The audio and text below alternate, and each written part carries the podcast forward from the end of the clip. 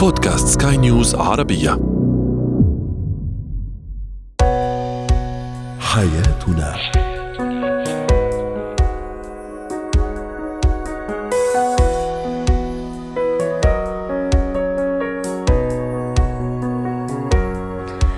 سمعنا الكرام أهلا بكم معنا إلى حياتنا. فضاؤكم اليومي الذي يعنى بشؤون الأسرة وباقي الشؤون الحياتية الأخرى والذي يمكنكم الاستماع إليه عبر منصة سكاي نيوز عربيه dot com slash podcast وباقي منصات سكاي نيوز العربية الأخرى. شاركونا عبر رقم الواتساب 00971 561 88 ثلاثة. معي أنا آمال شاب. اليوم نتحدث عن العلاقة السامة في الزواج.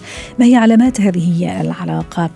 أيضا ما يجب أن نعرفه عن شكل رأس المولود وما هي الأشكال الغريبة وهل هذا يعني بأن هناك خطر أو وضع صحي خطير يهدد حياة الطفل أو الرضيع تحديدا؟ وأخيرا اتيكيت التعامل مع أصحاب الهمم.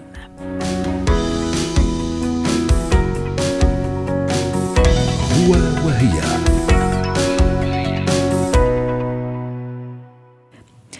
لا توجد علاقة مثالية أو مكتملة سواء على الصعيد صعيد العلاقات الشخصية أو في مجال العمل وأيضا في العلاقات الزوجية في علاقة الزوج بزوجته.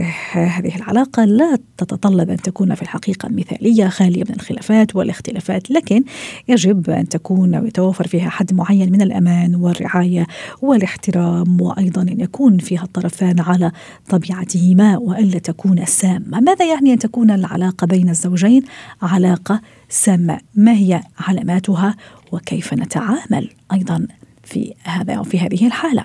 للحديث عن هذا الموضوع رحبوا معي بالدكتورة ريما أو نهاية الرماوي عفوا الاستشارية النفسية والأسرية. يسعد أوقاتك يا دكتورة نهاية. أهلا وسهلا فيك. معلش غيرت لك اسمك. ريما كمان اسم حلو. وكمان نهاية اسم حلو. دكتورة ماذا يعني أني أكون في علاقة سامة؟ معقول أني اخترت هذا الشريك لأكمل معي معه حياتي؟ أو اخترت هذه الزوجة لأكمل معها حياتي. وفجأة لقيت حالي في علاقة سامة وربما أنا أصلا مش عارفة أنه أنا عايشة علاقة سامة. تمام إحنا أول شيء بدنا نحكي إنه العلاقات الزوجية طبعا هي علاقات تفاعلية بين الشريكين وبيكون فيها نوع من الحيوية نوع من الديناميكية نوع من التفاهم. لا يعني ذلك إنه ما بيكون خلافات واختلافات أحيانا في السلوك ووجهات النظر لكن إذا كانت الأمور تفوق ذلك رايحة يعني على الإكستريم من هذا الشيء فإن ذلك يؤدي إلى عدم الشعور بالأمان والسعادة. فالعلاقة تصبح سامة. إذا صار الشريك يشعر فيها بالتعب والاستنزاف وبشعر إنه هو عم بيحاول يتكيف لكن هذا يكلفه من طاقته ويكلفه من مشاعره ومن سلوكه وهو غير مرتاح. وبنلاحظ إنه بعض العلاقات بنشوف الزوجين في علاقة هادية بينهم. باجي بسأل الزوجة إيش تغير عليكي مثلا بعد الزواج؟ هل انت مثلا في علاقة آمنة؟ تحكي لي صرت عصبية عم بصرخ مش ما بتحمل صار عندي مشاكل في النوم.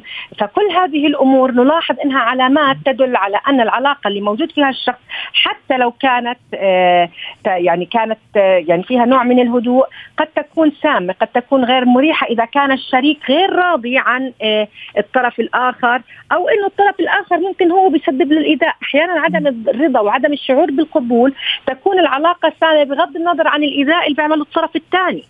فبده يكون الانسان يعني يعرف إنه هل أنا في علاقة سامة أيوة. من خلال التكيف والقدرة على التكيف. إذا كان في صعوبة في التكيف فأنت في علاقة سامة. 100% دكتورة أحيانا الواحد ممكن يعيش لسنوات طويلة. وزي ما تفضلتي ما في علاقة زوجية تخلو من الخلافات والاختلافات ومشاكل ويعني وطلوع ونزول أنت عارفة حضرتك. لكن ممكن بعد سنوات طويلة تقول مثلا أو يقول يا الله أنا كنت فعلا عايش في علاقة سامة وما أعرف إذا أنا اللي ما فهمت الموضوع ولا أنا اللي كنت أعدي الموضوع مشان الأولاد مشان يستمر المركب لكن في النهاية أنا اللي استنزفت مثل ما تفضلتي واستخدمتي هذا المصطلح الجميل. خليني كمان أقرأ بعض التعليقات. مها تقول دائما أشعر حالي أني مستنزفة ومنهكة جسديا ونفسيا وعاطفيا بدل مني أشعر بالسعادة. محمد يقول أن تأخذ عفوا أن تعطي ولا تأخذ أيضا وأن يتعمد الطرف الآخر أن يأخذ دون أن يقدم أي شيء أي عطايا أو أي تنازلات في العلاقة. تمام. هاي من الأمور التي آه نسميها علاقات سامة بصير عندنا وعي منها. مثلا زي ما حكى أحد المشاركين إنه أعطي أو اللي أعطانا رأيه اعتياد أحد الأطراف على إنه شخص معطاء فقط وبصير الثاني ياخذ وما يعطي. بالآخر يستنزف هذا الشخص. ولما ما تعطي تصيري انت مش تمام وانت تغيرتي أو أنت تغيرت و... وتبلش المشاكل. آه طبعا بتبلش لما يكون الإنسان مش على نفس الموازين اللي تعود عليها الطرف الآخر اللي تعود ياخذ. هون تصبح العلاقة سامة ممكن يكون فيها مشاكل أو الشخص نفسه بدون ما يكون في مشاكل هو استنزف من كم العطاء والمهام اللي بيقدمها وإنه بيعمل الآخرين أولوية. أحيانا يكون خلل في الشخص نفسه إنه تصرف بهي الطريقة واحيانا الطرف الثاني لا يقدر ولا يعني ما بيعمل بدائل أو ما بيعمل إنه مثلا بالمقابل أنت بتعمل هيك أنا بعمل هيك عشان يصير التوازن في العلاقة الزوجية، أيضا العلاقات السامه بتكون بعدم الراحه بين الشخصين إنه أصبح الشخص الثاني عبء ومجهود على الطرف الآخر، فبصير إنه بحاول آه، إنه يسعد نفسه مش قادر لإنه هو مش لاقي حاله مع الطرف الثاني اللي عم بيقدم له السعادة، فهون بعد فترات طويلة غالبا نكتشف إنه ممكن يستنزف الشخص وما يشعر بالراحة وبالسعادة بيكتشف بعد سنوات طويلة، فبيجوا الناس حواليه بيلوموه، هلأ اكتشفت إنه أنت في علاقة مستنزفة هو بيكون عمل كل الطرق، استخدم مثلا الوسائل والأدوات اللي بيمتلكها وجد إنه هذه الوسائل والأدوات هي لم تجدي نفعا مع الطرف الآخر أو أنا لم أجد راحتي رغم تقديم كل هذه الأمور والتنازلات في محاولة لإسعاد نفسي وإسعاد الأسرة. هنا يصبح أحيانا مشاكل زوجية حتى بعد فترة طويلة من الزواج تظهر لأنه طاقة التحمل عند الطرف الآخر قد تنعدم وبالتالي آه، صموده يعني انهياره. فيبدأ بالحديث عن فكرة إنه أنا في علاقة سامة أنا غير مرتاحة. أحيانا يبدأ عن التعبير واحيانا في ناس ما بتعبر وبتقضي حياتها كلها في علاقة سامة وبتستنزف حياتهم. وبالآخر في أمراض جسدية زي ما حكت واحدة من الصبايا اللي علقت وقالت أنا جسديا ونفسيا ويستنزف الشخص لأنه بالآخر قدرات. 100% بتعرفي دكتورة في, في تعليق عجبني أو تشبيه رائع أقول لك إنك تضل في علاقة سامة تماما زي ما تضل في سيارة من غير محرك. فيك تجلسي أو فيك تجلسي داخل السيارة لفترة طويلة. أه؟ ساعة ساعتين ثلاثة بس ما فيك توصلي لاي لأي مطرح أو لأي مكان. وحضرتك استخدمتي مصطلح رائع جدا اللي هو مصطلح الوعي. دكتورة كيف أكون واعية؟ أي نعم ممكن في العلاقة الزوجية زي ما دائما نقول أنه في تنازلات مرة أنا أتنازل مرة أنت تتنازل. ممكن نعدي ممكن نصبر. أكيد لازم هذه الأشياء كلها لكن كيف أعملها بوعي؟ حتى مش بعد سنوات أحس أنه لا والله أنا كنت عايشة في علاقة سامة وأنهكت واستنزفت ممكن حتى أصير عصبية وممكن و و و وممكن حتى أطلب الطلاق بعد سنوات عمر طويلة وما يسمى بالطلاق في خريف العمر حتى. مزبوط انت اللي عم تحكي امال هلا شو اللي عم بيصير؟ إنه الإنسان اللي بيكون هو اللي واقع في المشكلة آخر واحد رح يشعر فيها بعد ما تكون يعني نتائجها أصبحت وخيمة عليه. فغالبا الشخص اللي بيكون متزوج وهو في علاقة سامة يبدأ يشعر بالألم أو بالضجر سواء كان النفسي أو الجسدي. م. نتيجة إنه عدم وجوده في علاقة متوازنة أو ما فيها حيوية وديناميكية زي ما حكينا آه تتغير نحو الاسوء وليس نحو الأفضل. هلأ إحنا كيف بدنا ننصح الأشخاص إنه إحنا مش ما ناخذ الأمور مسلمات في أي شيء بحياتنا. دائما أنت بدك تحط مقياس المشاعر التوازن النفسي هي المعيار اللي أنت بدك تمشي عليه السكيل اللي بدك تمشي عليه. كيف؟ يعني مثلا أنا باجي بوازن أنا مش إنه كل يوم بدي أكون سعيدة ومبسوطة وأحكي إنه أنا طالما كل يوم مش مقياس المشاعر عالي فأنا بخير لا بدك تعرف إنه يصير في منحى طبيعي إنه أنا في أيام بكون مبسوطة فيها في أيام بنزل حسب الظروف وحسب المواقف. مش لإنه أنا طاقتي نازلة بس مش عارفة ليش. استنزافنا في العلاقات. السامه أيوة. أحيانا بيخلي مشاعرنا تنزل. وما نحمل نفسنا فوق طاقتنا كمان دكتورة دكتورة نهاية. مصرة ريما. شفتي كيف؟ ما أعرف. والله ما أعرف. برضه ريما حلو. حلو ريما حلو. ما هو ريماوي أنت ما خدتيها أي صح. العقل الباطن أحيانا هو الذي يعمل بخلينا مشكلة مقبولة. ما هو أنا اللي بقول لك إنه خلاص سميني أي اسم. يلا ما عندي مشكلة. اسمك حلو يعني أنت الآمال والأشياء هاي اللي إحنا دائما بنعيش أصلا عايشين عشان الآمال. تسلمي. اسم جميل ورائع.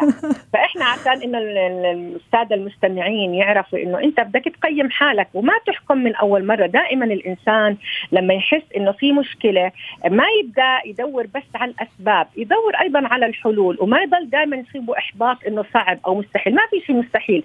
آه، ربنا سبحانه وتعالى يعني لما حكى إنه آه، ما بده يخلينا إنه زي ما حكيتي إنه نحمل أكثر من طاقتنا. آه، ما بدنا يكون في عندنا يعني وجلد ذات أيضا. ونجلد ذاتنا. جلد الذات شعور إنه أتحمل فوق طاقتي شعور إنه أنا بدي أصبر على حساب الإيذاء النفسي. أنا أوكي الصبر موجود لكن له آه يعني مدة معينة وشدة معينة مش أصبر طول العمر وبالآخر أنا عارف إنه ما في حل. هلأ الصبر إذا كان هناك حلول أما إذا كنت حاسس إنه طريقك مسدود أو الطريق مثلا بالنسبة لك لا يجدي نفعا هون بدك تفكر بالحلول. فالشخص لما يشعر إنه بعلاقة سامة بده يعمل المعيار النفسي المعيار الجسدي المعيار السلوكي آه حتى يقيس إنه أنا كيف عم بثبت بحياتي كيف عم بشعر كيف عم بتصرف كيف مأثرة علي هاي العلاقة. إذا حسيت إنها عم تسحبني لورا ببدأ بحط هون عندي يا إما آه، كيف بدنا نحل المشكلة بنتفق مع الطرف الثاني. إذا ما كان في آه، قبول وما في إنه هاي العلاقة الديناميكية الحيوية هون لا بدك تفكر بحالك إنك ما تستمر في هاي العلاقة السامة لأنه في الآخر رح تعيش. بس صح. نوعية الحياة اللي رح تعيشها هذا السؤال اللي أنت بدك تسأله وهون الأنانية شوي تكون مطلوبة الأنانية المحمودة. محمودة شكرا لك دكتورة. نعم. نهاية الرماوي الاستشارية النفسية والأسرية سعدتيني اليوم ودائما رائعة ومبدعة في مشاركاتك معنا وأتمنى لك يوم سعيد. زينة الحياة. اليوم في زينة الحياة نتحدث أو نحاول أن نسلط الضوء على كل ما يجب أن تعرفه الأم آه، عن شكل رأس المولود. ما هو الشكل الطبيعي؟ ما هو الشكل غير طبيعي؟ لماذا يبدو شكل رأس الطفل أحيانا غير متساوي عند الولادة؟ في طرق معينة لعلاج شكل رأس الطفل غير غير الطبيعي إذا صح التعبير؟ أحيانا في شكل غريب. هل هذا خليني أقلق. ما هي المدة اللي يحتاجها رأس الرضيع كي ينمو بشكل كامل؟ كل هذه المواضيع وزوايا أخرى ممكن حتى راح ينورنا فيها الدكتور أحمد عبد العال استشاري طب الأطفال. ضيفنا العزيز يسعد أوقاتك يا دكتور. أهلا وسهلا فيك. فيك اليوم نتحدث عن موضوع مهم جدا خاصة بالنسبة للأمهات حديثات العهد بالولادة اللي ممكن أو بالأمومة ما عندهم هذه الخبرة الكبيرة. ما هي المعلومات اللي ممكن نقدمها اليوم كمدخل لموضوعنا اليوم عن شكل رأس المولود والرضيع؟ أهلا بك يا أمال وسهلا أهلا أه الحقيقة امال إحنا كأطباء بنركز أكتر على حجم الرأس مش أكتر ما بنركز على الشكل. إنما شكل الرأس ده موضوع مهم جدا بالنسبة للأم. وإنت دايما في حواراتك بتركزي على كل ما يهم كل أم فعلا عشان كده الموضوع ده مهم جدا. صحيح.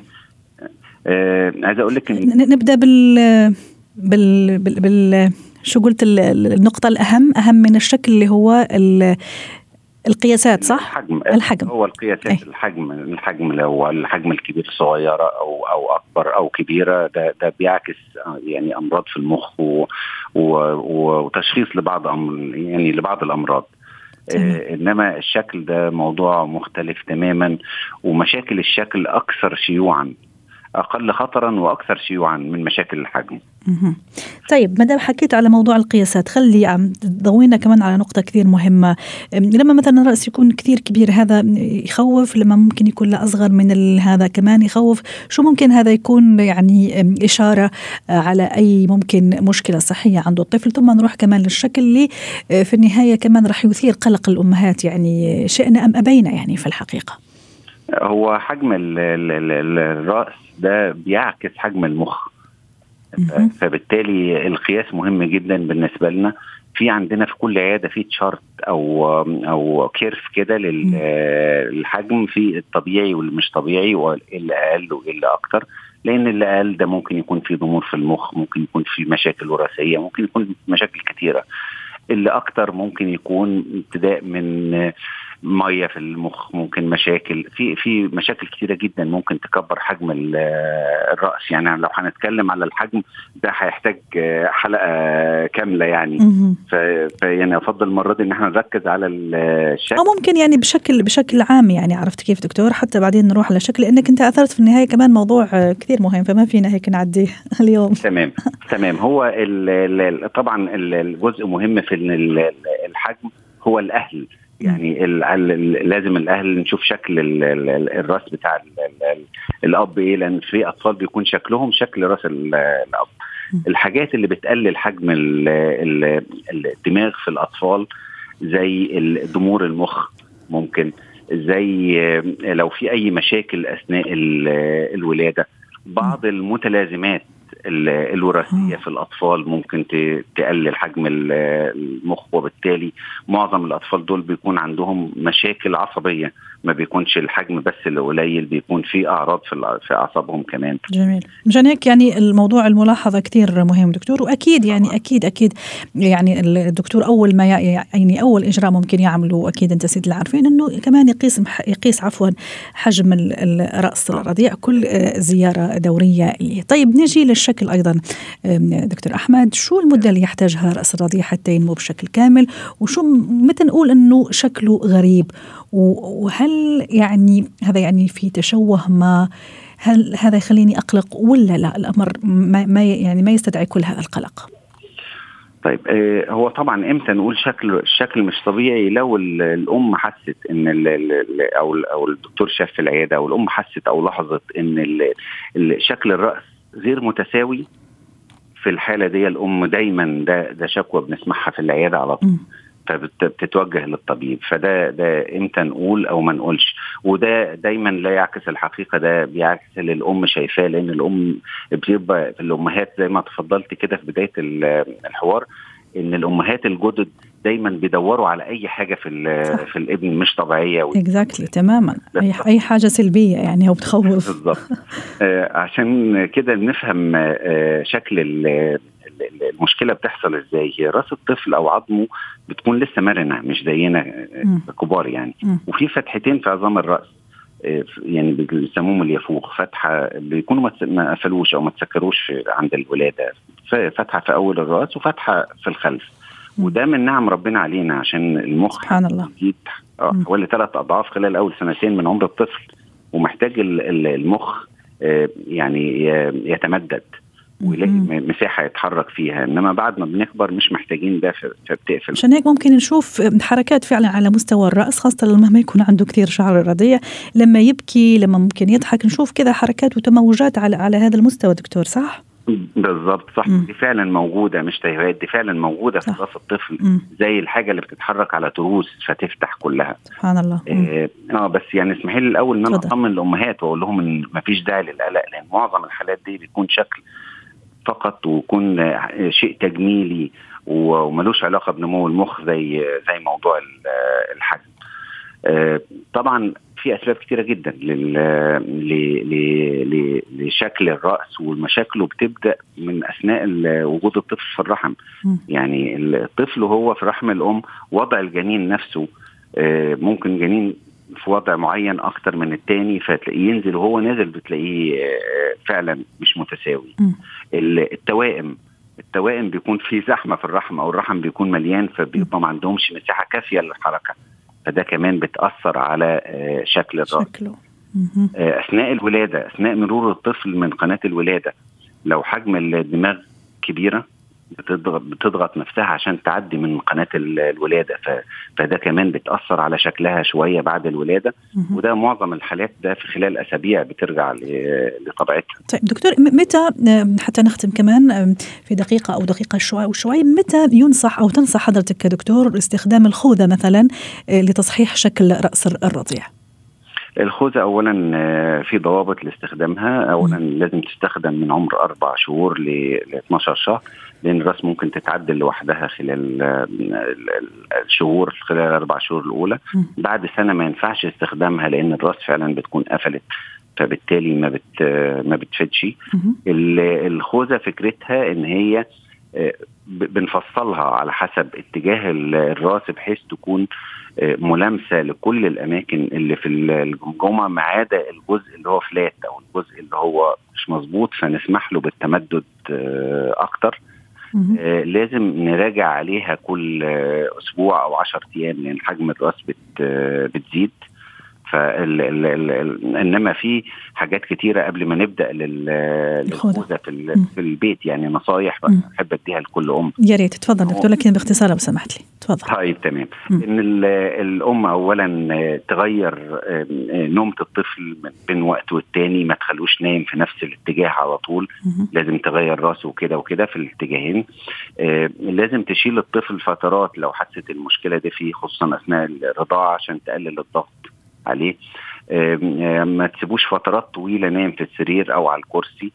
ممكن في بعض الأحيان تنيمه على بطنه بس لازم يكون على سطح صلب طبعا ولازم ما يكونش عشان ما يحصلش اختناق ولازم يكون قدام الأم يعني. صح. حتى إحنا دايما بنقول النوم على الظهر واللعب على البطن يعني. هو بيلعب يكون نايم على بطنه لازم الأم تكون معاه إنما هو نايم على ظهره ممكن نسيبه. مم. في حاجة أخيرة أنا عارف إنك عايزة تختم تختمي هي والله مش أنا يا ريت يعني الكلام معك رائع وجميل ومفيد لكن عندنا موضوع إتيكيت التعامل مع أصحاب الهمم راح كمان يا ريت تسمعنا وتفضل النصيحة الأخيرة. أكيد إن شاء الله. آخر حاجة إمتى تروح لطبيب في غير الخوذة؟ لو في يعني إغلاق مبكر لليافوخ أو للأماكن المقفولة. في الفنديه ودي بتروح للدكتور وبيشوفها لأن ده في الحالة دي لازم الطفل يتحول لجراح المخ والأعصاب في عملية بتتعمل بتفتح المكان اللي قفل قبل ميعاده عشان م. تسمح بنمو الأم المخ بصورة أقوى. شكرا لك دكتور أحمد عبد العال اسعدتنا اليوم بهذه المشاركة وكل هذه المعلومات المفيدة ويعطيك ألف عافية.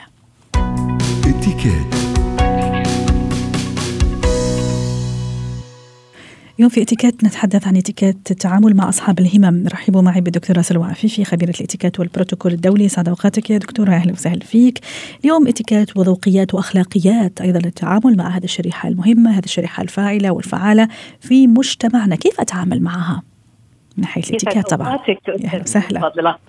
شوفي اولا لازم يكون عندنا تقبل لهذه الفئة ولابد أن يكون هناك تقبل للاختلاف.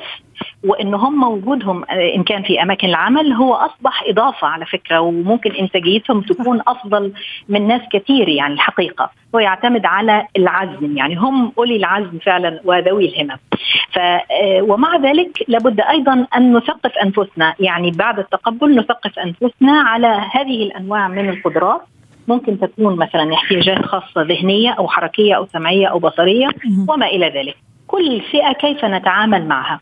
هناك قواعد عامة قلنا الاحترام تغيير النظرة والتقبل وأيضا أنه نعي تماما أن الأدوات الشخصية التي يستخدمونها هي ملك لهم وخاصة لهم وليس للاستخدام العام، إن كانت كرسي متحرك أو إن كان عصا أو ما شابه فهي ليس آه للاتكاء عليها. صح. أيضا هناك قاعدة مهمة جدا في الاتيكيت والتعامل مع آه هذه آه الفئة المهمة جدا إنه قبل المساعدة لابد أن أستأذن ولابد أن أسأله كيف تود إني أنا أساعدك يعني. م. مش إني أنا أتطوع. لو مثلا شخص يجلس على كرسي متحرك فأنا أتطوع إني أنا أحركه مثلا أو أمده إلى الأمام. لا هذا طبعا خطأ شاسع أو شائع. م. أيضا اتكئ على عصا. إذا أنا أمسكت به بيده الأخرى قد أساعد في خلل في توازنه فلا بد أن نعرف كيف نتعامل مع كل فئة. ولك سؤال طبعا. ممتاز رائع. ودكتورة أكيد كل شخص منا بما فيهم هذا الشريحة وهذا الفئة المهمة أكيد عندنا مساحتنا الشخصية عرفتي كيف؟ أو الحيز الشخصي ما حدا يرغب أو يعني يحب أنه حدا ثاني يخترقه.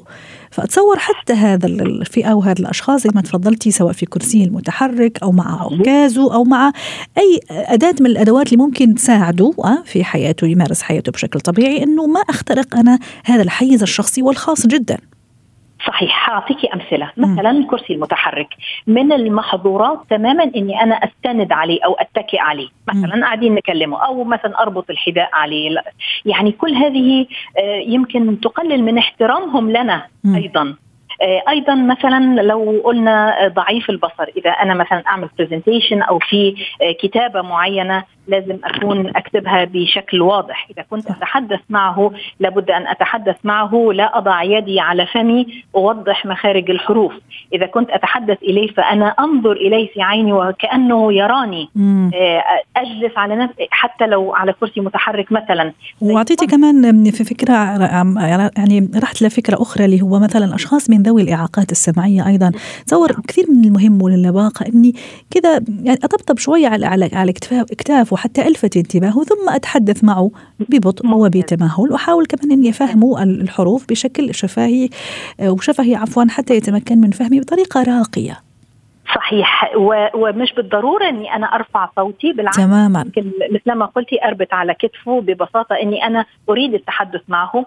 أيضا مثلا آه، ضعيف السمع. إذا أنا آه، خلصت حديثي وأريد المغادرة يعني يا ريت أقول له إني أنا أنا ماشية مثلا مش إنه هو عمال قاعد يكلم نفسه.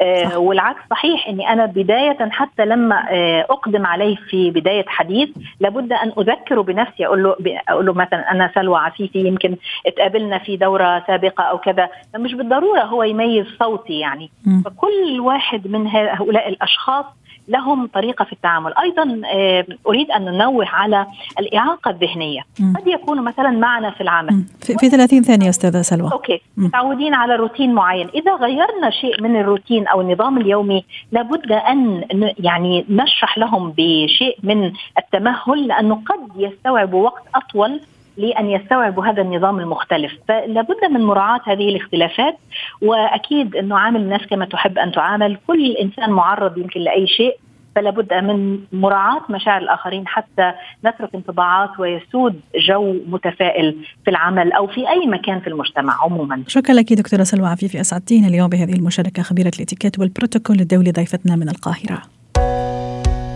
حياتنا. ختام حلقة اليوم من حياتنا. شكرا لكم وإلى اللقاء.